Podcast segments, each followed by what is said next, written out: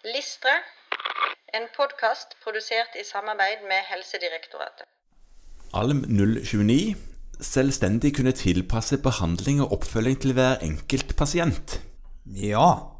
Altså, når man hører disse læringsmålene nå, så kan man liksom få inntrykk av at man egentlig sitter og sier det samme om igjen og om igjen og om igjen. Hvis noen nå har valgt å sette seg ned og liksom høre igjennom fra 1 til 29, som er kommet til nå, så vil man liksom føle at mange av de ligner.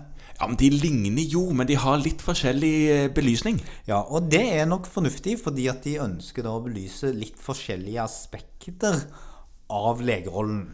Ja, Vi er fortsatt på den individualiserte, tilpassa tilnærmingen til pasient. Det, det er fortsatt det med, som ligger i bunnen. Det er det vi snakker om. Det er det vi snakker om. Og det som, men her ønsker at en å minne på at det er viktig, Ja, er at en selvstendig, da, siden man er spesialist i allmennmedisin, så skal man jo selvstendig kunne tilpasse behandlingen ja, til den pasienten. Med bakgrunn i alle de faktorene som har vært igjennom i de foregående læringsmålene, men også med en kunnskapsbase om hva som er behandlingen, og behandlingsmulighetene ja. innenfor forskjellige fagfelt. Altså her, her tar vi og vipper inn faget litt mer. Her eh, kommer faget litt mer inn, fordi at det er ikke sikkert at alle pasienter har forutsetninger for alle typer behandling. Nei, sant? Eh, Og da må man jo kunne behandle litt mer eh, inngående i hver enkelt tilfelle. Ja, eh, Og så må man da ha kompetanse nok til å tilpasse dette. Derfor så sier også læringsmålet at her må man faktisk legge inn kurs. Det er sånn emnekurs. Ja, Klinisk emnekurs.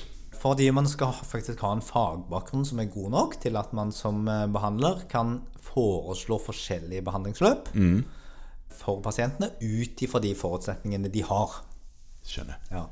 Og så er det jo igjen sånn at dette læringsmålet skal belyses i gruppeveiledningen. Ja, man kommer inn på veldig mye i gruppeveiledningen, og fag. Men her tenker man at man må i tillegg legge vekt på at man har en fagbase som er brei og god nok. Det er det som er interessant med vår fagbase. Den skal være både brei og dyp. Helt, helt sant. Ja. Men som er både brei og dyp nok til at man faktisk kan gjøre gode og kloke valg på behandling, Ja. ikke behandling, til pasienten ut ifra hvor pasienten er. Og i motsetning kanskje til de foregående læringsmålene omkring akkurat dette, så kan òg lærebøker og litteratur komme inn her. Ja, og i tillegg til det så bruker de fleste fastleger elektroniske ressurser i dag. Ja, for det man kan kanskje ikke selv om et fastlegehode er noe av det glupeste man har, så kan man ikke gå rundt og ha alt oppi der. Nei, og, og da er det jo sånn som Norsk elektronisk legehåndbok Ja. og Up to Date og Helsebiblioteket. Ja, og British Medical Journal har en fin nettressurs. Det er ressurser som kan bidra eh, som en del av erfarings- og kunnskapsbasen din. Ja.